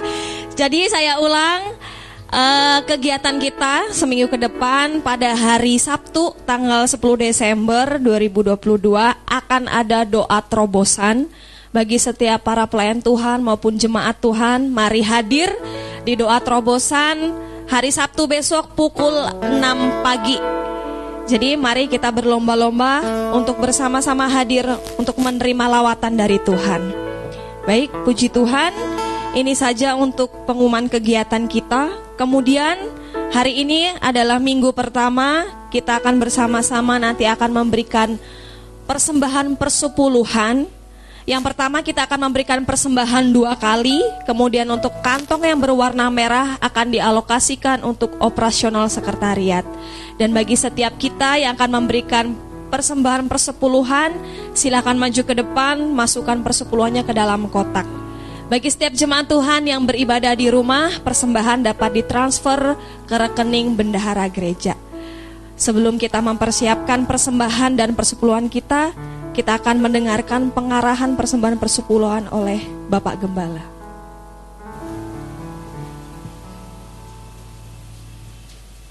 Saudara, eh, membawa korban kepada Tuhan, termasuk mengembalikan bagian dan miliknya Tuhan, adalah sikap yang pribadi. Makanya Kain tidak suka kepada berkat yang Habil adiknya terima secara pribadi dan Kain menjadi cemburu. Saudara, cemburu itu sifatnya Lucifer. Makanya hari ini kalau Anda cemburu, jangan-jangan ada sesuatu di hati kita yang belum lepas. Poin yang saya mau sampaikan begini, saudara.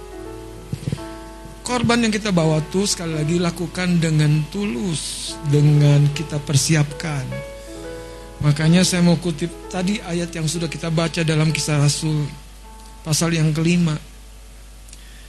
Ayat yang kedua dikatakan dengan setahu istrinya ia menahan sebagian dari hasil penjualan itu dan sebagian lain dibawa dan diletakkannya di, di depan kaki rasul-rasul.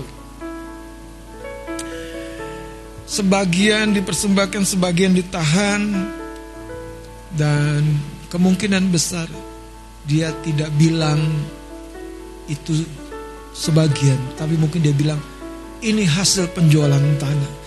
Saudara, Tuhan tidak terkagum yang pertama-tama terpukau pertama-tama itu dengan besarnya, dengan nominalnya.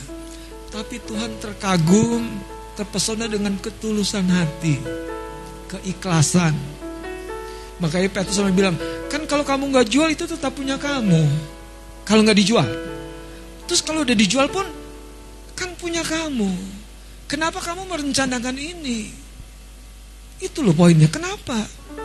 Kenapa kamu akal-akali Tuhan? Tuhan nggak perlu persembahan, tapi ketulusan hati kita di dalam persembahan itu yang membuat korban itu berbalik menjadi sebuah blessing yang limpah kepada hidup kita. Amin. Ya, mari kita persiapkan korban kita, persepuluhan kita, kita akan berdoa. Tuhan, hambamu berdoa, Engkau memberkati dari hati yang mengalir dalam ketulusan yang sadar. Bukan sebatas materinya. Bukan sebatas nominalnya. Tapi cara kami menghormati Engkau. Engkau tidak kekurangan kalaupun kami tidak membawa korban ini. Engkau tidak pernah kehilangan sesuatu. Tapi engkau sedang mengajar kami untuk melakukan sesuatu yang menyenangkan engkau. Kami membawa persembahan dengan sikap hati yang baik dan benar. Engkau yang memberkati anak-anakmu yang di rumah, anak-anakmu yang mengikuti ibadah melalui streaming. Ingatkan kami Tuhan, Engkau memperhatikan dan peduli kepada setiap kami. Di dalam nama Yesus Kristus kami siap membawa korban kepadamu. Haleluya. Amin. Amin. memberkati. Sambil kita berikan persembahan, mari kita angkat pujian kita. Ku terima janji Allah.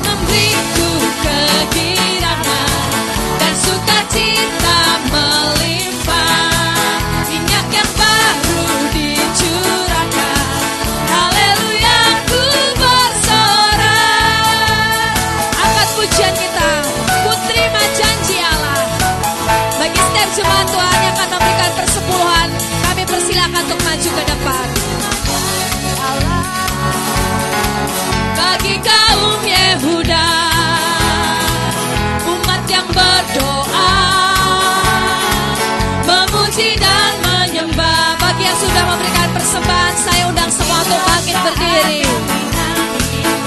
firman Allah telah digenapi. Kulihat penuah yang terjadi yang melanda seluruh bumi. Siap-siap Tuhan memberiku kegirangan dan sukacita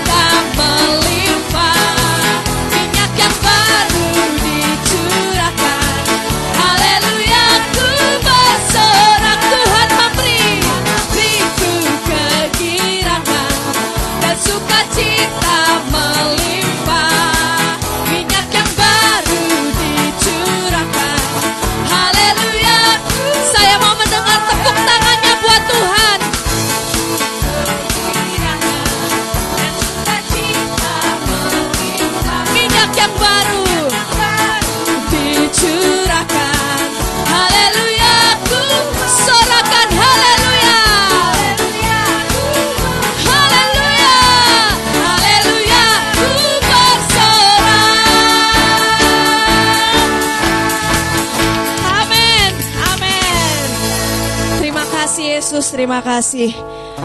Tuhan memberkati setiap persembahan dan persepuluhan kita hari ini.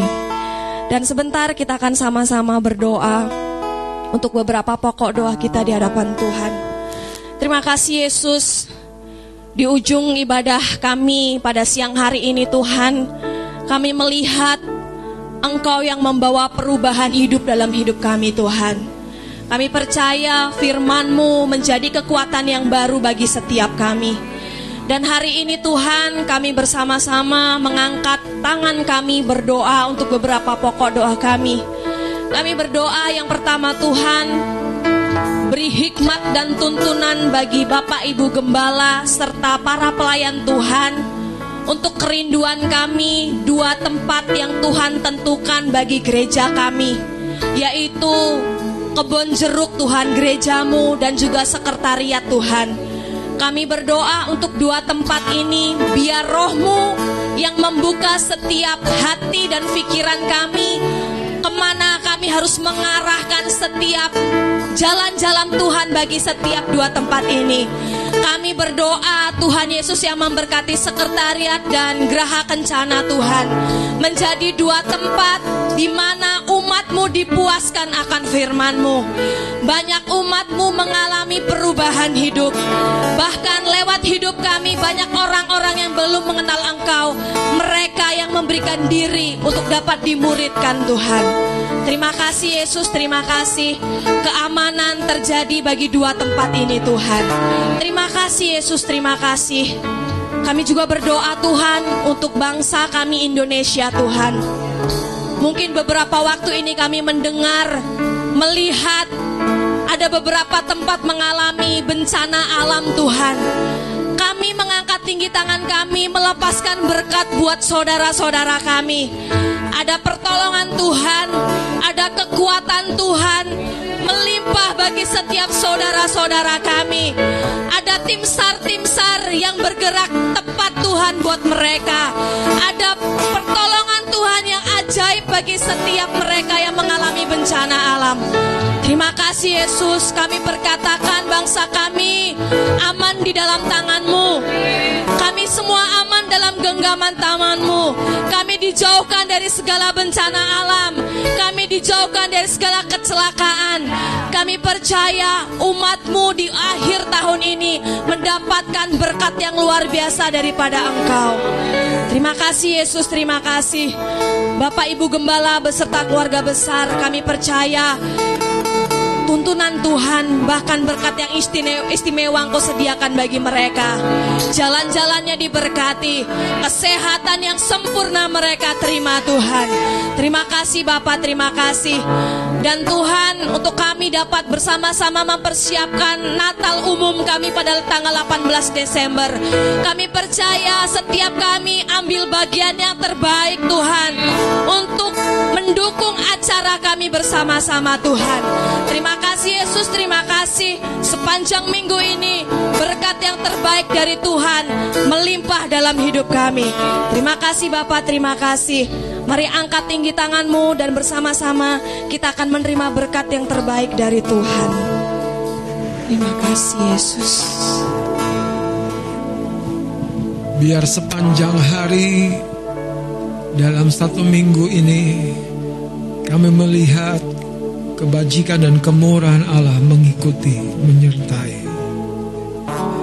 Kami dilimpahi kebaikan dan berkat melampaui ketaatan kesalahan kami.